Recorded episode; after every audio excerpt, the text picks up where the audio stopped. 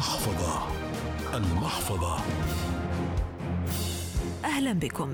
معظمنا يحمل فكرة مشروع استثماري تراوده منذ سنوات لكن البعض فقط يتجرأ على مطاردة حلمه وتحويله إلى حقيقة لأن معظمنا يعتقد أن القيام بعملية الاستثمار يقتصر فقط على الأشخاص الذين يملكون أموالا كثيرة.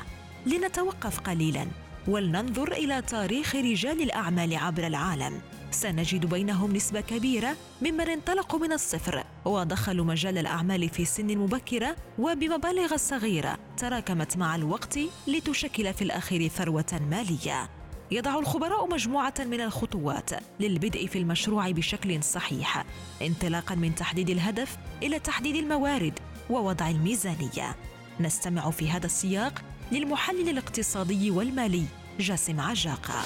المشاريع هي بدها تبلش بالفكرة يلي بيبقى حاملها الشخص، إذا كانت الفكرة بتدور حول تقديم خدمات أو منتج معين من الأكيد إنه بده يبدأ بشيء بنسميه ال business plan، بده يكتب فيه كل التفاصيل بما في الشق التقني، الشق العملاني، وأكيد بده يتطرق للشق المالي بالتحديد للتمويل تمويل شركته بالفترة يلي بيكون فيها بعد ما عم بيطلع مصاري.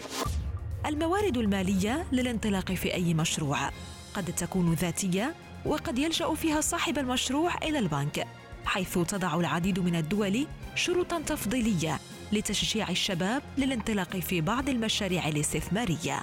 وبالحديث عن المشاريع خاصة تلك التي يقبل عليها الشباب نستمع للمحلل الاقتصادي والمالي جاسم عجاقة عادة قطاع الخدمات يتطلب رؤوس أموال أقل بكثير وكل ما توجهنا نحو الصناعة القطاع الصناعي والزراعي بصير في طلب كثير كبير على رأس المال كرمال فكرة مشروع استثمارية. وبالتالي بوقتنا الحالي يعني بنلاقي بنحس إنه أكثر إنه في اتجاه نحو الخدمات.